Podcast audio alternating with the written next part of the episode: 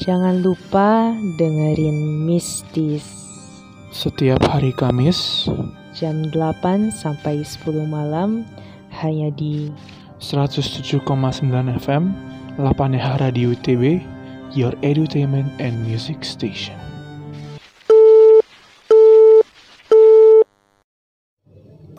Mistis.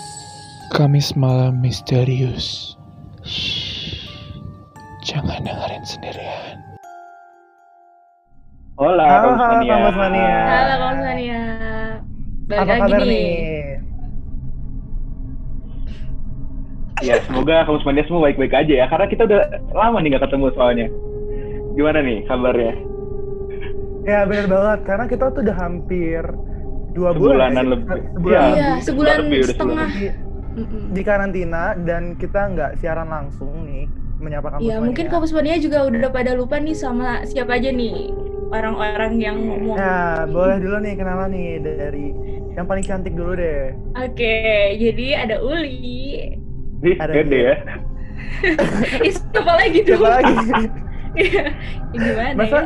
masa teteh yang suka nemenin kita siaran dan Waduh. ngomong Ah, apa tuh oke. Betul. Ada Oke. Gary juga dan Nah, kamu semuanya terakhir pasti ada ada Gary.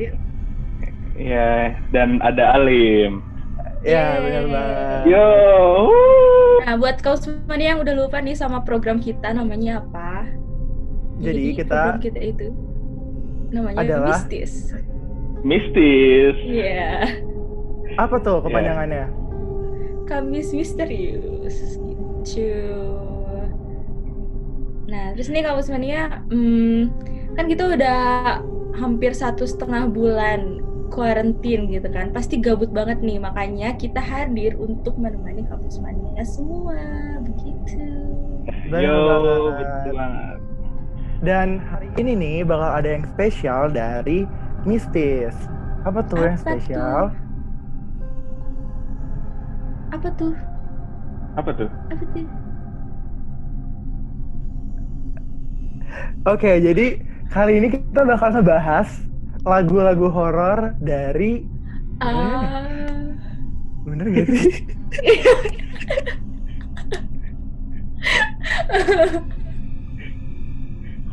Gak apa lah, pokoknya ya, kita Eh, tapi- kali ini kita bakal bahas bawa topik tentang lagu-lagu horor yang bisa nemenin Kamus Mania bergabut ria di rumah, ya enggak? Iya, Ya, eh, banget. untuk Kamus Mania yang lagi menjalani puasa Ramadan juga bisa nih sambil dengerin kita sambil nunggu buka. Bener.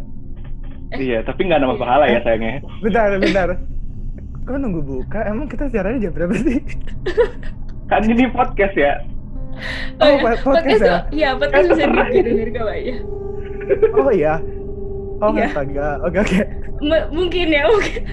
Lah, iya kan? Oh, enggak ya? Ah, gue nggak Ya, tahu. iya. Iya, Oke, iya. pokoknya kita Oke, bakal nemenin Kamus Mania kapan pun. Dan Oke, cut ya. Mulai, mulai. Satu, dua, tiga. Hah? Mulai, mulai, mulai. Mulai, mulai. Lanjut lagi, lanjut lagi. Lanjut. oh, lanjut, lanjut da- tapi gak banget. Iyo, lanjut, lanjut, lanjut. Ya oke dan Lanjut. Oke, oke, lanjut.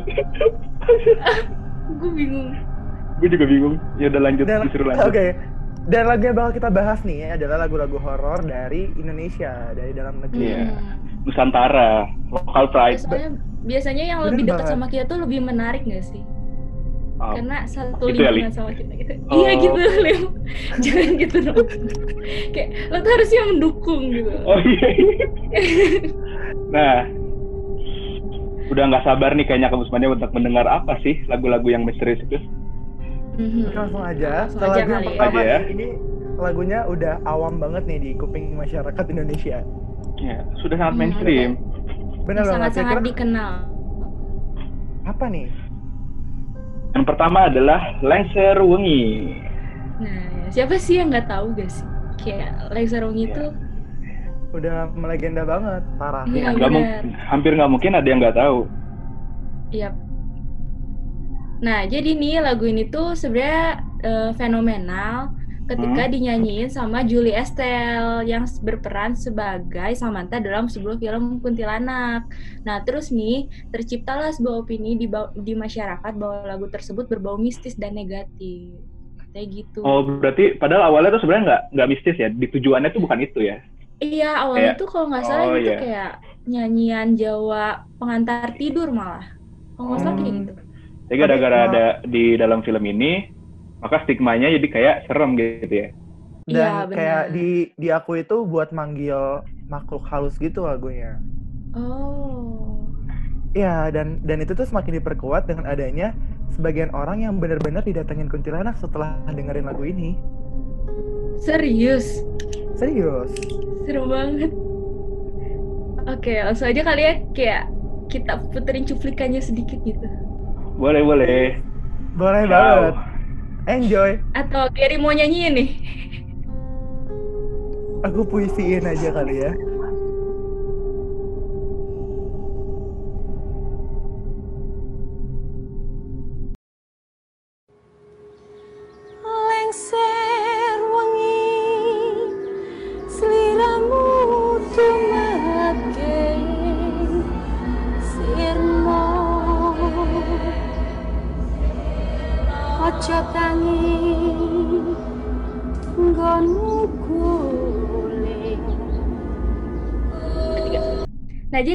Mania, sebenarnya itu lagu Lengser Wengi adalah sebuah lagu yang diciptakan oleh Sunan Kalijaga, benar gak tuh?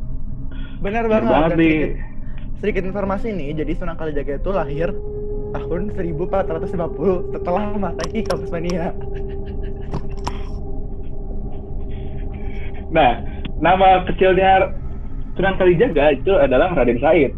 Beliau ini merupakan salah satu wali yang menyebarkan ajaran Islam di Indonesia. Wali Songo pasti kamu sebenarnya pada tahu kan? Nah, terus Sunan Kalijaga ini selalu melakukan hal-hal unik untuk menyaring masyarakat memeluk agama Islam melalui media budaya Jawa seperti wayang kulit, seni ukir, dan gamelan. Dan salah satu caranya berdakwah adalah lewat lagu Lancer Wengi ini. Jadi pada dasarnya jadi- lagu ini tuh buat penolak bala godaan makhluk halus. Iya, jadi aslinya tuh gitu maksudnya.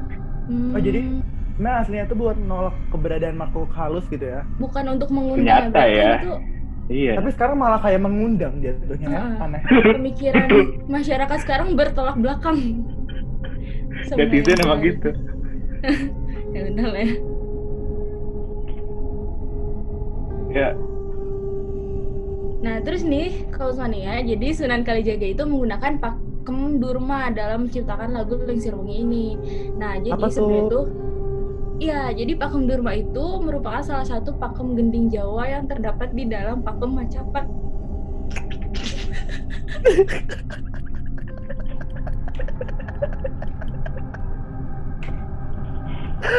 Ah, gak ngerti apa yang gue omongin.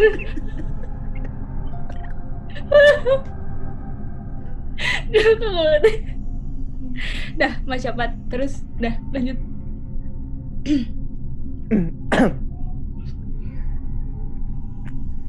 Nah, setiap lagu yang menggunakan pakem ini mencerminkan watak yang berbeda-beda gitu loh Kampus Mania.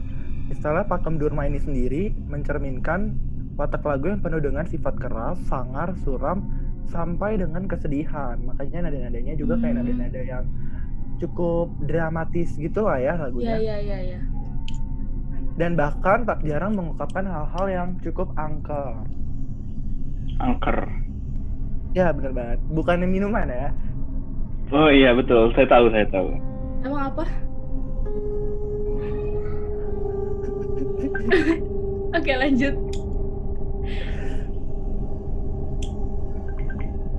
lanjut. Lanjut lanjut Oke. ya.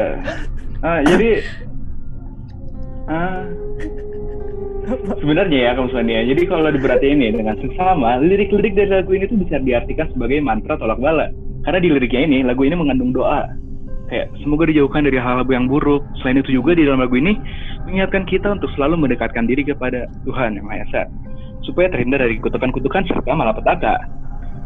Jadi anggapan bahwa Lang Tegulan Serwengi ini adalah lagu memanggil kuntilanak itu sesuatu yang sangat salah karena sangat bertolak belakang dari ciptaan asli tujuan penciptaan Tujuannya. aslinya. Ah. Nah, bahkan ya Kampus Mania, pada zaman dahulu itu lagu Lengser Rongi ini biasa biasa dinyanyiin oleh seorang ibu untuk menidurkan buah hatinya. Berarti bener apa kata Uli? Oh my God, Uli tidak ngarang. Iya, Nah, selain itu nih, kampus mania banyak juga yang menyanyikan setelah melaksanakan sholat malam sebagai ganti wirid. Jadi hal tersebut dilakukan karena lagu ini tuh mengandung arti sebagai permohonan doa kepada Tuhan. Nah, benar banget. Tapi sayangnya nih, penggunaan lagu ini sendiri dan nada dari lagunya ini emang agak mistis gitu loh. Mm-mm. Sehingga menimbulkan opini yang membuat lagu ini tuh terkesan seram dan bahkan diakui dapat mengundang makhluk gaib seperti kuntilanak. Hmm, gitu. Nah, jadi gimana nih Kak Usmania? Setelah mendengar fakta yang sebenarnya, Kak Usmania masih tetap takut atau kayak udah oh ya udah gitu. Berarti emang sebenarnya makna makna lagunya tuh baik gitu. Ya. Nah, Kalau lu Gary- tanya dulu deh, Uli takut gak? Takut tetap aja. Tetep gue ya. Kalau kalau Gary gimana, Gary? sih- Kalau Gary sendiri sih kalau ternyata artinya kayak gitu, tiap siaran Gary puterin sih lagunya. Oh gitu, hah. Berarti Ah, opening, mantap. opening. Mulai keluar studio Untuk, setiap di untuk menambah untuk menambah semangat kampus mania nih Gary bakal puterin satu buah lagu. yang berjudul. Liserongi. Enjoy. Enjoy.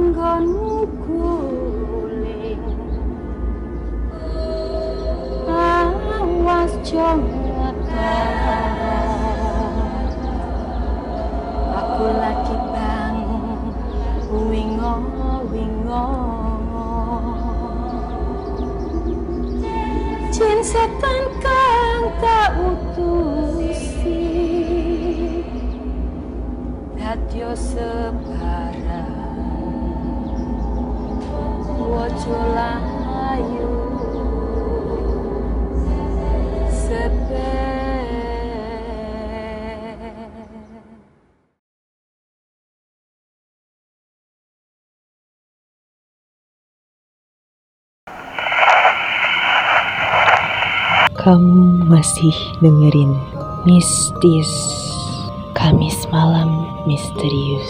Hanya di 107,9 FM 8 Yaha Radio ITB Your Entertainment and Music Station.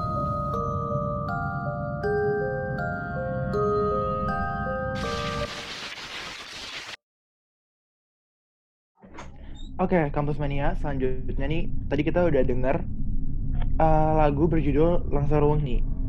Yang satu ini tuh adalah lagu yang belum banyak didengar oleh penonton. penonton dari mana? Ih, maaf, maaf. Hilang tadi Apa? sinyal. Sinyal gue hilang tadi. Ulang, ulang ya, ulang ya. Sampai mana? Ayo, Sampai mana? Belum, Oh, belum, belum, belum. belum belum mulai. Oke, oke. Mania. Eh, Oke, jadi tadi kita udah ngebahas lagu mengenai Langsar Wengi nih, yang sebenarnya ternyata artinya baik. Selanjutnya adalah lagu yang belum banyak didengar oleh orang-orang Indonesia, tuh? yaitu berjudul Malam Satu Suro. Oh, yang OST-nya Tahu, lagu tahu. film Susana. Oh, Halim nggak tahu deh kalau. Nah, bener banget, bener banget. Lagu ini merupakan lagu soundtrack dari film Susanna. Oh. yang bercerita tentang malam satu suro Nah, atau terus di- iya apa? jadi lagu ini juga dikenal dengan nama lagu Sunyi Malam. Nah terus nih buat informasi tambahannya kamu semua nih ya. Malam satu suro ini adalah malam yang gaib katanya ya dan menyeramkan bagi sebagian golongan masyarakat khususnya masyarakat Jawa. Mm-mm. Oh. Nah, Nah, jadi terus? nih seperti Nah, jadi seperti yang tadi kita udah bahas tentang malam satu suro, sebenarnya malam satu suro itu adalah awal dari bulan Muharram dalam kalender Hijriah. Gitu. Bener nggak, Lim? Bener banget. Dan penamaan satu suro ini ternyata udah ada dari sejak zaman kerajaan dahulu kala. Jadi ketika zaman Mataram Islam waktu itu. Waktu itu tuh Sultan Agung Adi Prabu Hanyakrak Kusuma menyebut malam tersebut dengan nama bulan suro. Nah, itu tuh terjadi karena sang sultan ingin mengubah kalender Saka dan memadukannya dengan penanggalan Hijriyah. Sehingga Hmm. dengan adanya malam suro ini, masyarakat Dewa Pedalaman yang memakai sistem Saka serta penduduk Islam pesisir yang memakai sistem Hijriah bisa bersatu. Keren ya? Melalui Satu dengan kalender. kalender. Oh. Jadi Keren alat pemersatu banget. itu banyak-banyak, eh banyak banget gitu jenisnya. Salah satunya kalender kalau Sonia. Betul. Menarik sekali. Nah, terus nih jika dipandang dari segi kejawen, suro itu memang dianggap sakral dan istimewa. Begitu. Nah, salah satunya nih dalam buku berjudul Misteri Bulan Suro, Perspektif Islam Jawa, karangan Muhammad Solihin, mengatakan bahwa pada malam ini adalah kedatangan Aja, Aja, Aji Saka yang membebaskan rakyat Jawa dari makhluk gaib raksasa. Begitu. Nah, nggak cuma itu aja, ternyata ada alasan lain nih yang nyebabin satu suro dikenal sebagai istimewa. Yang pertama, secara turun-temurun rakyat Jawa tuh percaya kalau bulan suro merupakan kelahiran aksara Jawa. Malam satu suro disebut juga sebagai hari pulangnya arwah pada keluarga yang sudah meninggal. Wah, serem juga ya. Ada juga nih, be- jadi bakal nambahin beberapa mitos malam satu suro. Yang pertama, eh, mitosnya kalau mengadakan pesta pernikahan, eh, jika tetap dilakukan, maka keluarga tersebut akan mendapatkan kesialan. Oh, Nah, jadi sebenarnya kalau serem ya? nikah di bulan suro itu nggak boleh. Eh di malam suro itu satu suro itu nggak boleh. nggak boleh katanya. Cenah. Cenah. Tapi ini cuma mitos belaka kok. Katanya soalnya masyarakat kalau ngadain pesta di malam satu suro ini dianggap menyaingi ritual keraton yang akan dirasa sepi. Jadi eh, di keraton sendiri tuh Hmm. ada ritual. Jadi kalau misalnya ada yang nikah kan pasti orang-orang yang harus ikut ritual ikutnya ke pernikahannya ya kan. Pernikahannya iya benar. Ya gitu. Nah, terus nih mitos yang kedua itu tak boleh keluar rumah. Jadi, saat malam satu suro, masyarakat Jawa percaya lebih baik berdiam diri di rumah karena jika pergi keluar kesialan dan hal buruk bisa saja menimpanya. Oh. Gitu. Terus mitos yang ketiga, nggak boleh melakukan pindah rumah. Jadi menurut primbon orang Jawa nih, ada yang disebut hari baik dan ada dua hari buruk. Sebagian orang percaya untuk tidak melakukan pindahan rumah pada saat malam satu suro, karena malam satu suro bukan merupakan hari baik. Dan Benar menurut agama Islam, tidak ada yang seperti itu, semuanya baik. Ya, ya udah beda kepercayaan lah ya. Ya. Hmm. Dan yang terakhir nih, kalau misalnya di malam satu suro itu kita tidak boleh berbicara. Ini cukup aneh ya dan cukup unik kalau Bos Mania. Iya. Jadi Aneh beberapa orang ya beberapa orang lebih memilih untuk melakukan ritual di rumah masing-masing. Ada yang tapa bisu, di mana pada saat ritualnya itu mereka mengelilingi be- benteng keraton Jogja tanpa berbicara satu kata pun. Makan minum serta merokok juga sangat dilarang untuk dilakukan saat ritual tersebut. Jadi mereka ini puasa sekaligus puasa ngomong juga ya. Iya, Unik. cuma boleh napas dan jalan kayaknya. Nah, terus nih di Indonesia memang ada berbagai banyak cara yang dilakukan untuk memperingati satu Muharram atau satu Suro nih, Kampus Mania. Misalnya seperti berdoa dan menyantuni anak yatim. Terus ada Wow. juga yang melakukan pawai obor di beberapa daerah dan di masyarakat Jawa merayakan ritual malam satu syuro, syuro, suro. begitu. Nah, eh, ritual-ritual ini menandakan beragam beragam budaya dan adat tradisi yang dimiliki Indonesia masih digenggam erat oleh masyarakat. Gitu.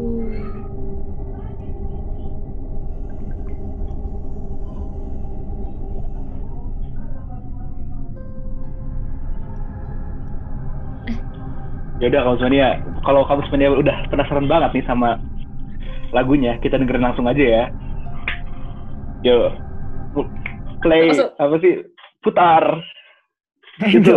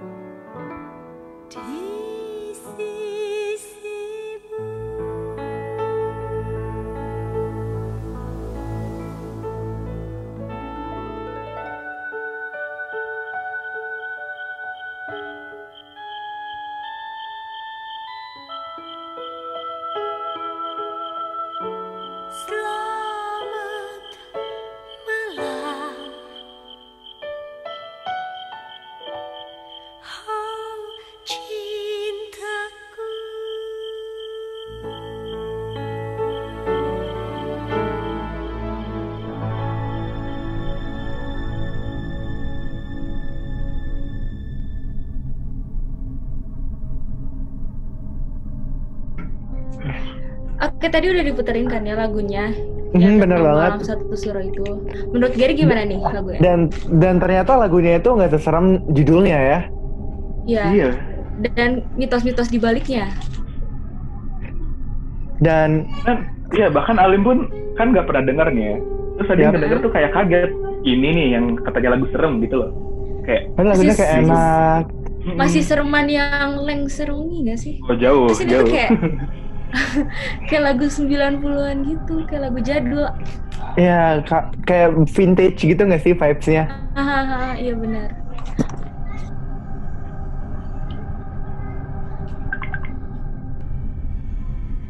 Iya gitu. Terus lanjut aja kali ya yang ke lagu ketiga yang bakal kita ceritain tentang mistos. Ini lagu udah umum banget di telinga anak-anak, orang dewasa, remaja, kakek nenek pasti tahu lagu ini. Bahkan kalau nggak salah udah ada filmnya nggak sih atau Kayaknya udah ada deh. Iya kan? Judul jadi judul gitu. Ada yang bisa nebak nggak nih kampus mania mungkin bisa menekan reka di sana. Jadi selanjutnya ini adalah lagu pengantar tidur berjudul Nina Bobo. Siapa yang nggak tahu sih itu? Siapa yang nggak tahu? Dan mitosnya nih mitosnya. Ya, Alim bacain ya. Ya, Langsung aja Lem. Oke. Jadi katanya nih, nih katanya Nina itu adalah sapaan sayang seorang anak blasteran Belanda Indonesia. Nama aslinya itu adalah Helenia Mustika van Rojing, van Resnik, yang lahir pada tahun 1871. Nah, ayah Helenia ini adalah seorang komposer klasik, sementara ibunya adalah seorang penari Jawa. Nah, si Nina ini satu-satunya anak yang mereka miliki. Karena itu si Nina sangat disayangi oleh orang tuanya. Hmm. Tetapi nih, kisahnya, suatu ketika saat Nina masih sangat muda, dia menangis karena tidak bisa tidur. Lalu ibunya berinisiatif mendengarkan sebuah lagu yang secara spontan terlintas di benaknya. Di kediaman mereka, memang banyak sekali nyamuk katanya ya.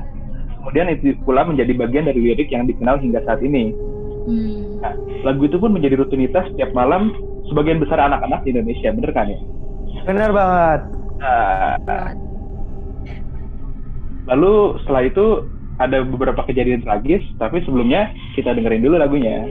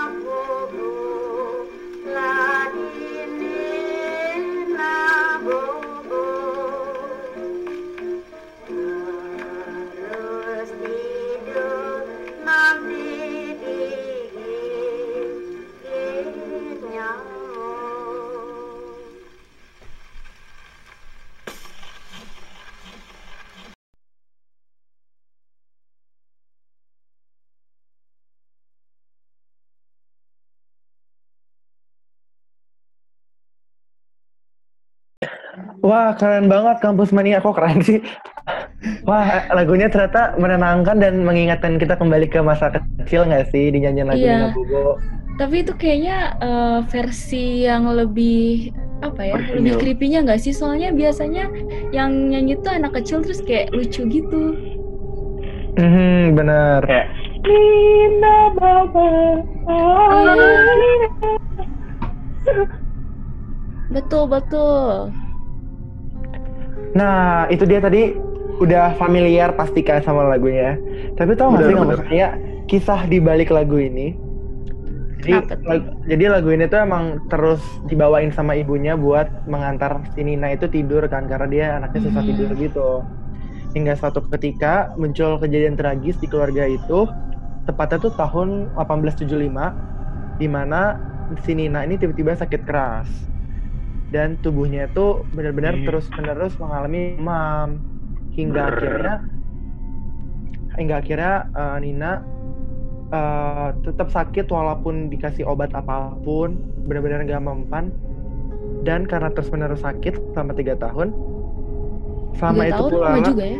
ya lama banget selama itu pula lah si ibunya itu terus-menerus nyanyi lagu Nina Bobo Hmm. ya setidaknya menenangkan anaknya gitu cuman naas hingga pada akhirnya eh, Nina tetap meninggal dan tepatnya pada tahun 1878 jadi eh, malam itu tuh udah benar-benar nggak ada suara orang nangis lagi di rumah itu karena si Nina udah meninggal gitu Sedih. tapi tapi nih yang yang membuat eh, sedikit creepy Uh, beberapa hari setelahnya uh, keluarga tersebut mulai mengalami kejadian-kejadian aneh nih misalnya tiba-tiba uh, suaminya si Ivan Rojik ini Hah? mendengar istrinya itu nyanyi lagu Nina Bobo di kamar mandi Padahal Ninanya udah meninggal.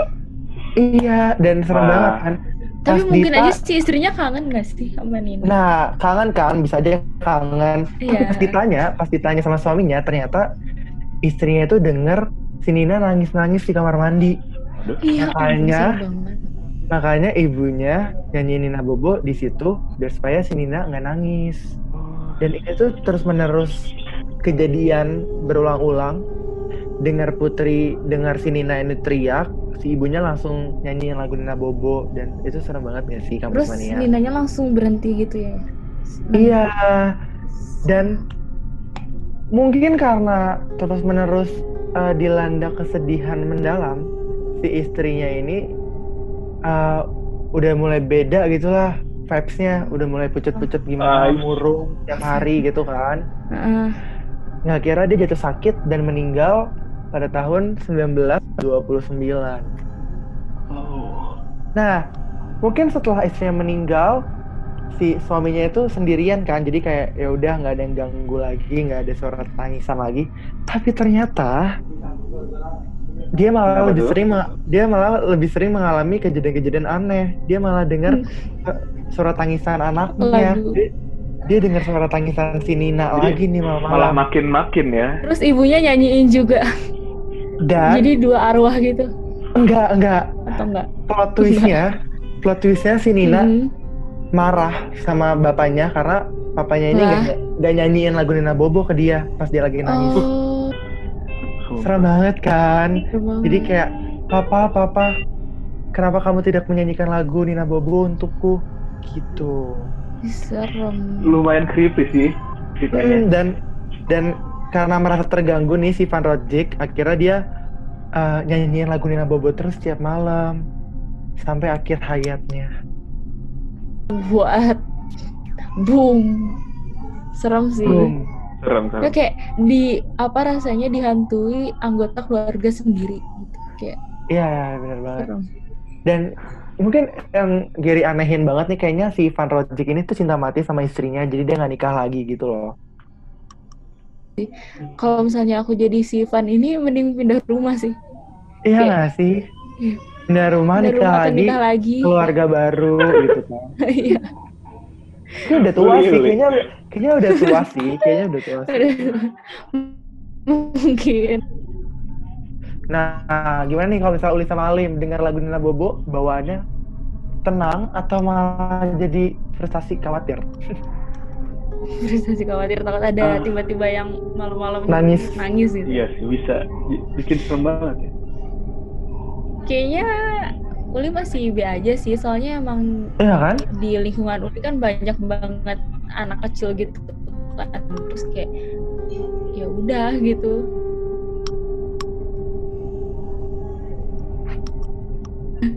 Nah Mas Mani ya sekarang kita bakal eh, ngebahas tentang lagu eh, yang memiliki mitos tersendiri berikutnya.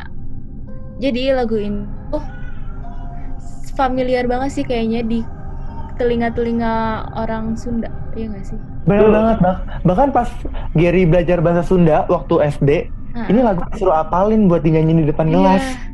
Iya bener banget. Terus eh, Uli tuh disuruh mainin pianikanya gitu. Iya kan? Terus sampai Padahal hafal notnya sampai sekarang. pada padahal mah mereka nggak tahu ini manggil arwah. Iya.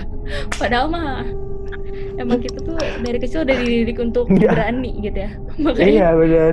disodorinya lagu itu. Oke lanjut. Daripada penasaran langsung aja. Mm-mm. Jadi Takut. lagu ini tuh berjudul My dog. My Dog.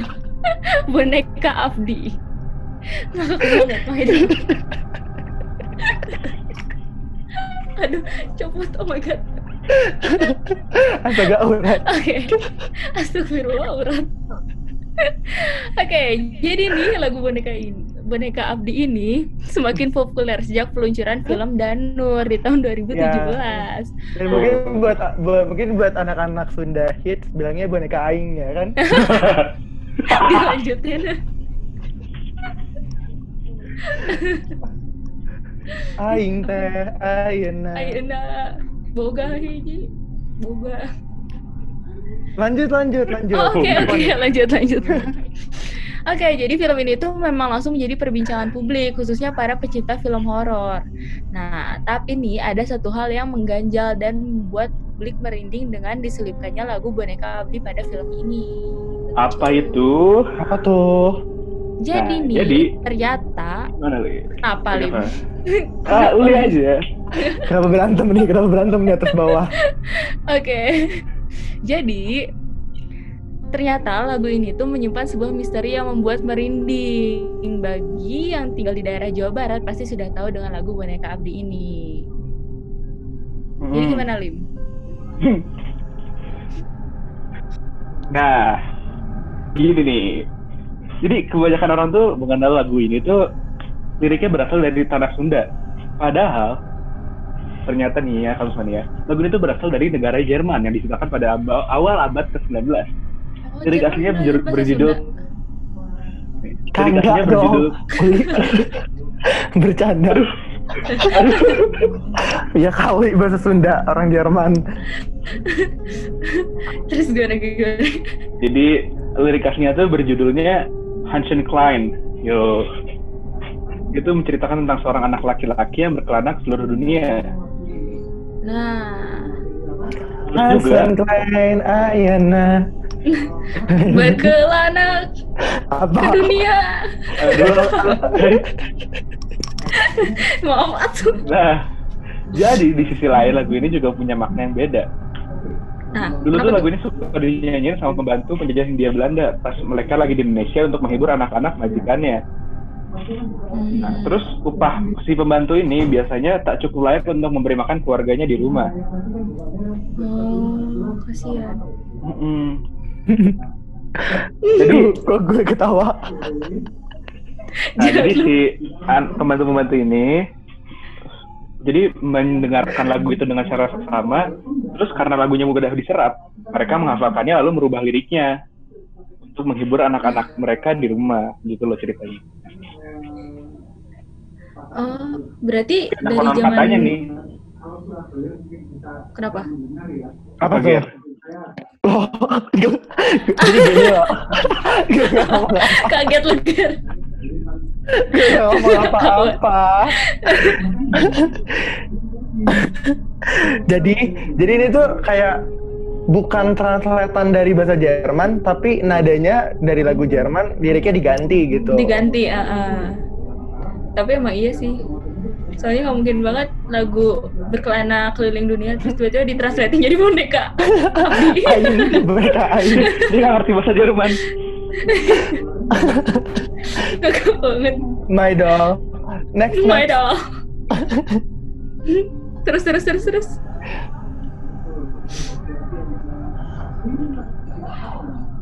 Terus sampai mana sih?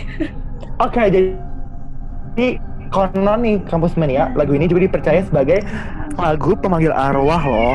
Salah satunya tokoh yang sering menyanyikan lagu ini adalah Risa Sarasvati, yaitu seorang Hmm. penulis yang juga mempunyai kemampuan indigo. Di home. Oh, Saat itu tahu tuh dia- faktanya. Hah, Bentar, bentar. Bentar, jadi pengen nanya deh. Risa Oh, Sarasvati ini adanya Isyana bukan? bukan. Beda. beda. Oh, bukan ya? Oh, Bukan, beda. bukan, beda. Oke. Eh, Isyana punya adik? Punya, kan pernah duet. Oh, jadi Punya musik kakak Indo ya ya? kita sekarang. Kok jadi musik Indo? Musik Indo. Oke, jadi Oke, lanjut lanjut lanjut. saat itu dia membuat lagu yang diberi judul Story of Peter yang bercerita Oh. tentang kelima sahabat antunya.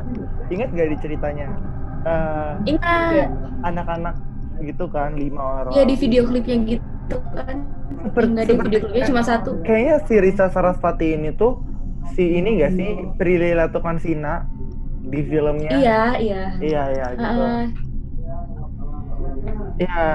Ini Risa jur, jurnalis Risa bukan sih?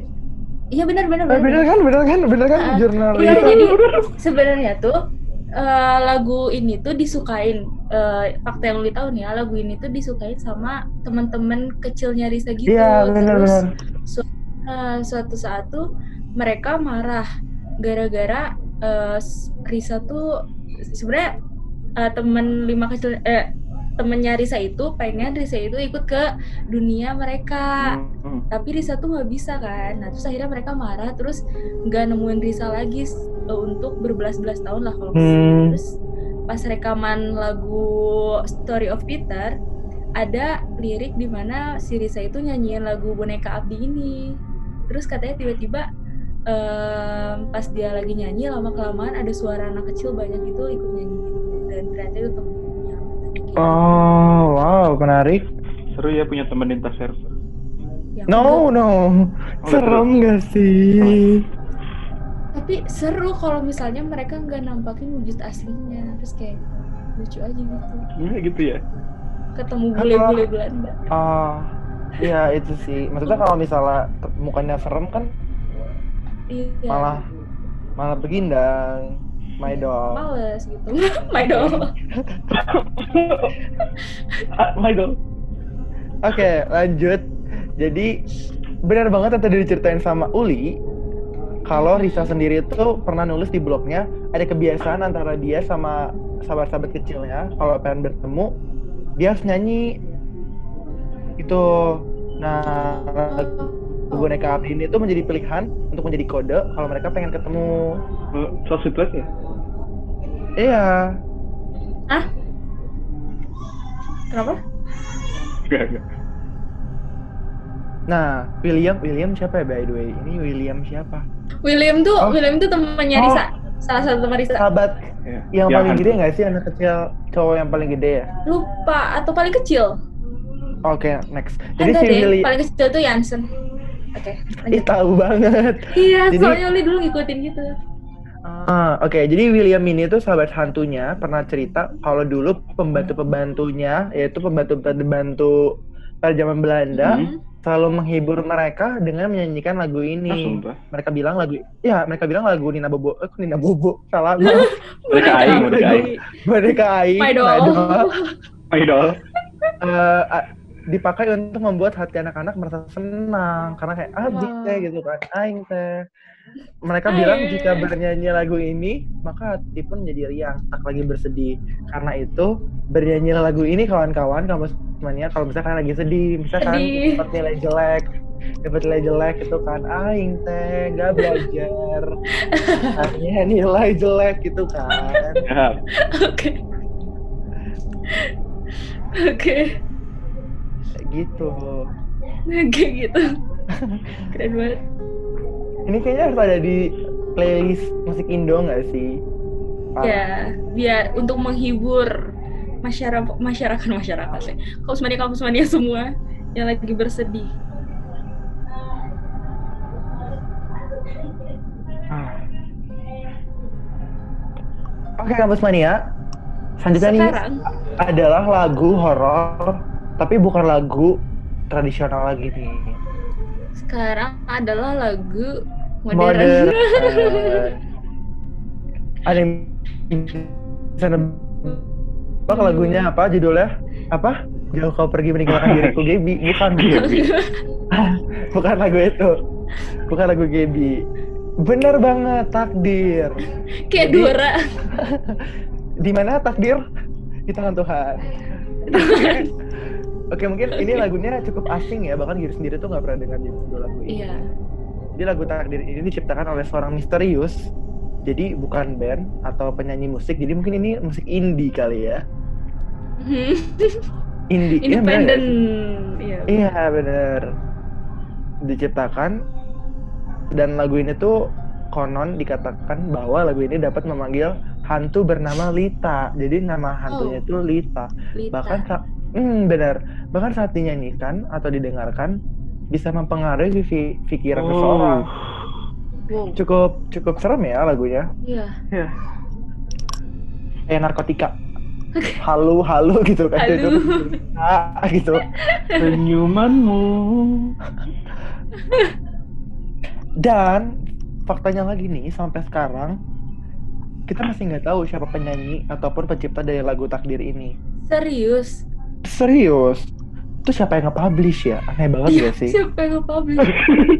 Namun, Iya, kayaknya ini lagunya kayak turun temurun gitu nggak sih mulut ke mulut, door to door gitu loh. Iya, Oh, mu- iya. mungkin gitu. Ini Mungkin lagu besar kayak gitu. Ya kan, kayak lagu jadul gitu. Jadi ini pertama kali muncul di kota Pati, Jawa Tengah, yang beredar melalui handphone ke handphone, bener guys. Tuh. kan. Kayaknya dari kayak ini loh, ringtone, ri- ri- ringtone gitu, ringtone, kayak bintang apa terus lo masalah Tapi kan pasti ada gitu loh si penyanyi itu biasanya dicantumin itu gitu siapa gitu. Atau Entah. enggak ada orang yang iseng kayak nyanyi sendiri habis itu dia sebarin ke orang terdekatnya habis itu orang terdekatnya sebarin lagi sebarin lagi. Ya pokoknya Kayak who knows. Lanjut, kabar yang beredar, lagu ini Gimana menceritakan tentang menceritakan tentang seorang wanita yang meninggal sebelum sempat menyatakan cintanya ke- kepada seorang laki-laki misterius. Gitu. Jadi kayak eh, kita nggak nggak tahu sih meninggalnya kenapa.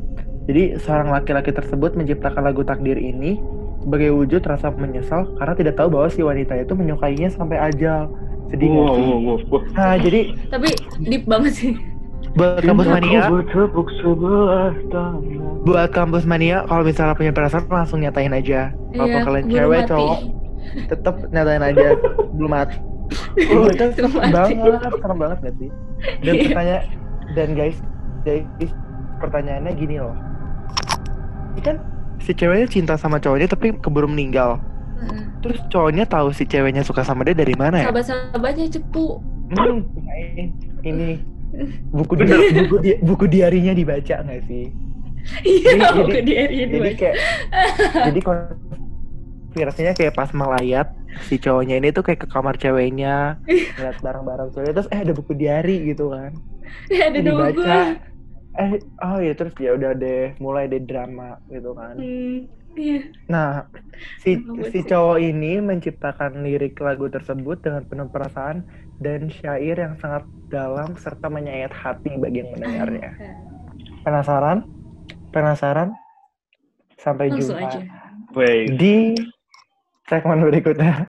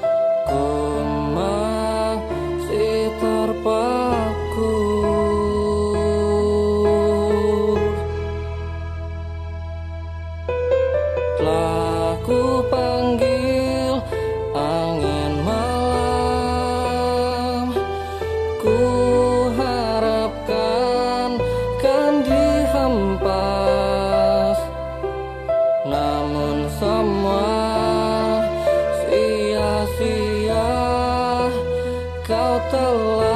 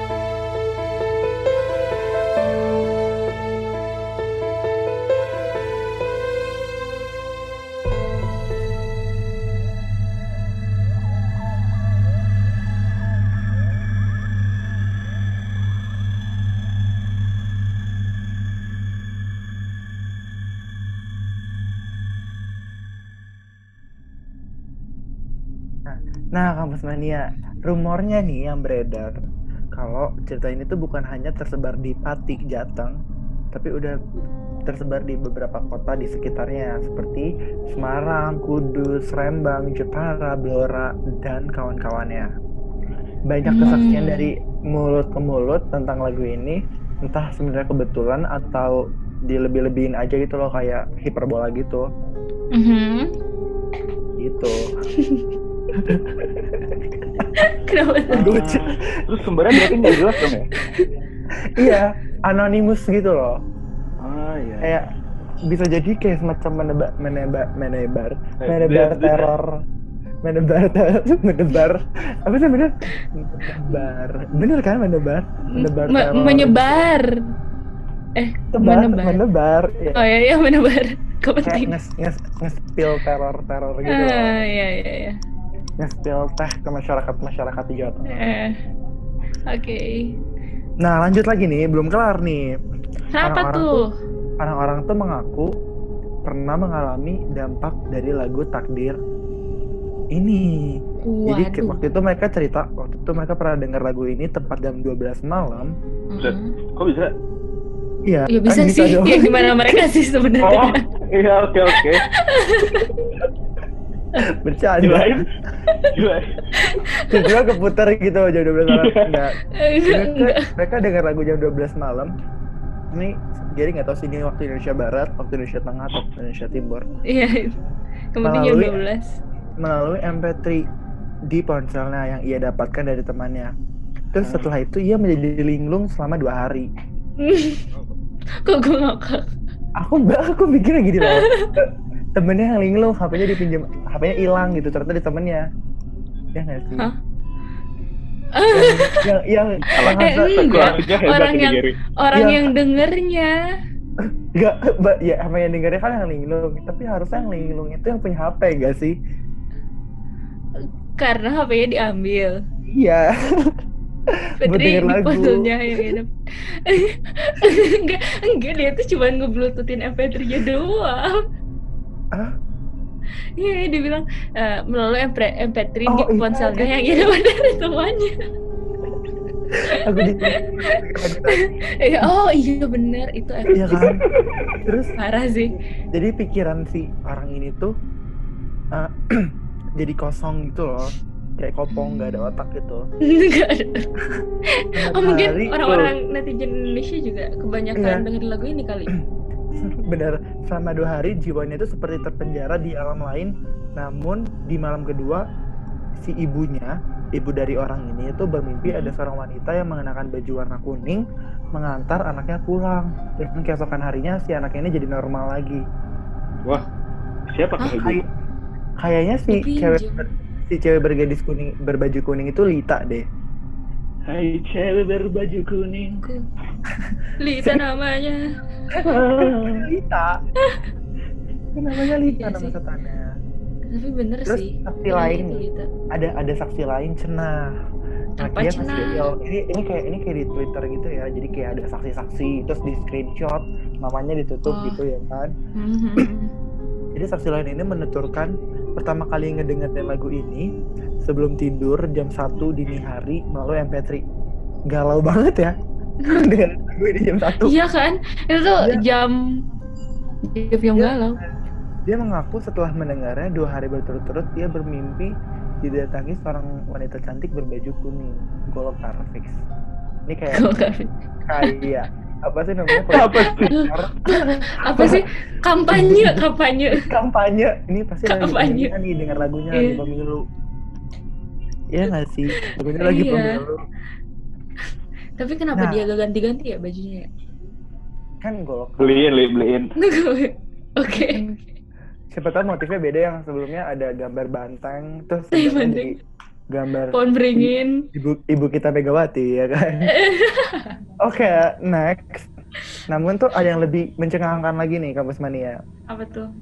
pernah ada segerombolan pemuda Hah? yang lagi nongkrong sengaja nih mereka pengen manggil sosok itu. Dibahas proklamasi nih.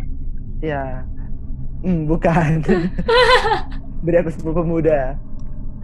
Nah habis itu dia manggil satu hantu bernama Lita dengan nyanyiin lagu takdir dengan irama Hmm. gitar. Sosok cantik hantu Lita itu mengenakan baju kuning yang kayak biasa casual ya atau baju kuning kan. Datang dress code dress code casual terus dia pakai baju kuning gitu kan. Oh, Oke, dan lanjut. Udah ternyata ceritanya. Udah. Gimana tuh Kampus Mania? Tertarik pakai baju kuning? Jangan-jangan SpongeBob terinspirasi dari Lita. Hmm. Karena dia selalu menghantui pet eh si apa? SpongeBob Gurita bajunya nggak kuning. Itu kan dia warnanya kuning. Hmm. Gimana nih menurut sih. Uli sama Alim? Kalau untuk yang ini- yang ini dapet sih. Ya, soalnya beneran ada. Mungkin kalau mania dia mau nyoba juga dia habis ini. Manggil Lita pakai lagu takdir. Ya, Eh, tapi kenapa Lita tahu ya dibikinin lagu takdir? Kan dia udah meninggal. kan penasaran gak sih arwahnya? Oh iya sih. Bener gak sih? Tapi dia lebih enak dulu pas meninggal bisa stalking cowoknya sampai Kalian tau gak sih kenapa bajunya Lita kuning? Kenapa? Ger? Udah ketahuan duluan. Jangan kata- Mungkin Dia suka coding. Oke. Ba- Menarik, menarik. Ya, jadi Iya kayaknya uh, cowoknya warna kuning gitu kan. Dia ingin mengimpress cowoknya dengan Lihat aku pakai baju kuning. atau atau nggak sih cowoknya ini golkar gitu kan aku aku partai sama kamu gitu kan aku partai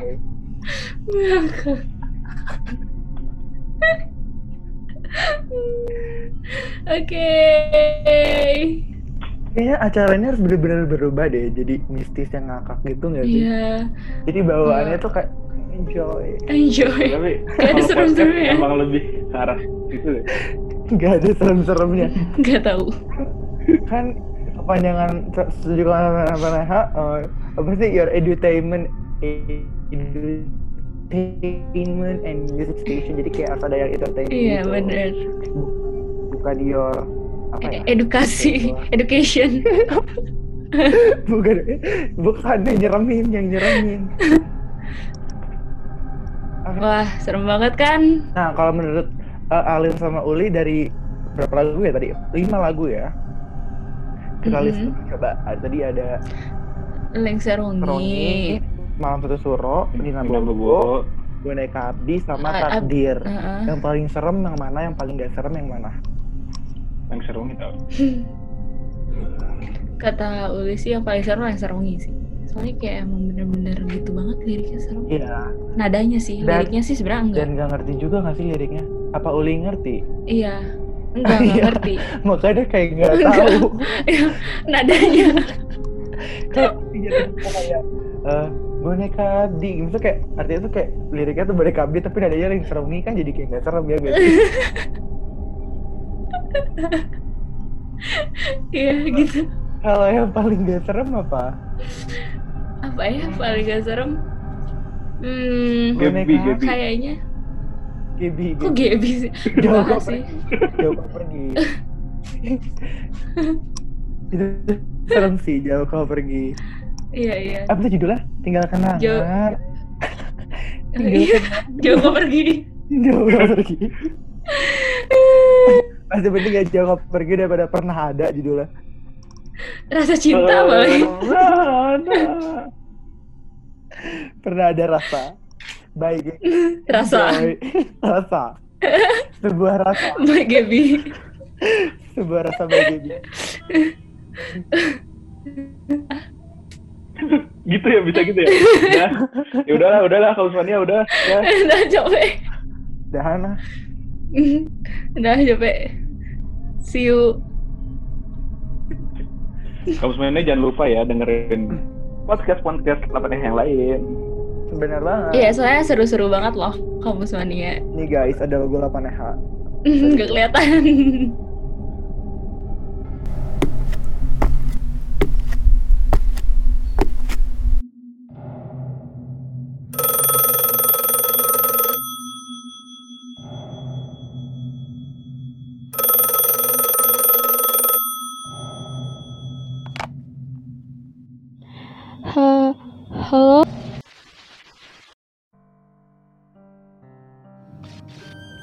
Jangan lupa dengerin Mistis Setiap hari Kamis, jam 8 sampai 10 malam hanya di 107,9 FM, Lapanehara di UTB, Your Edutainment and Music Station.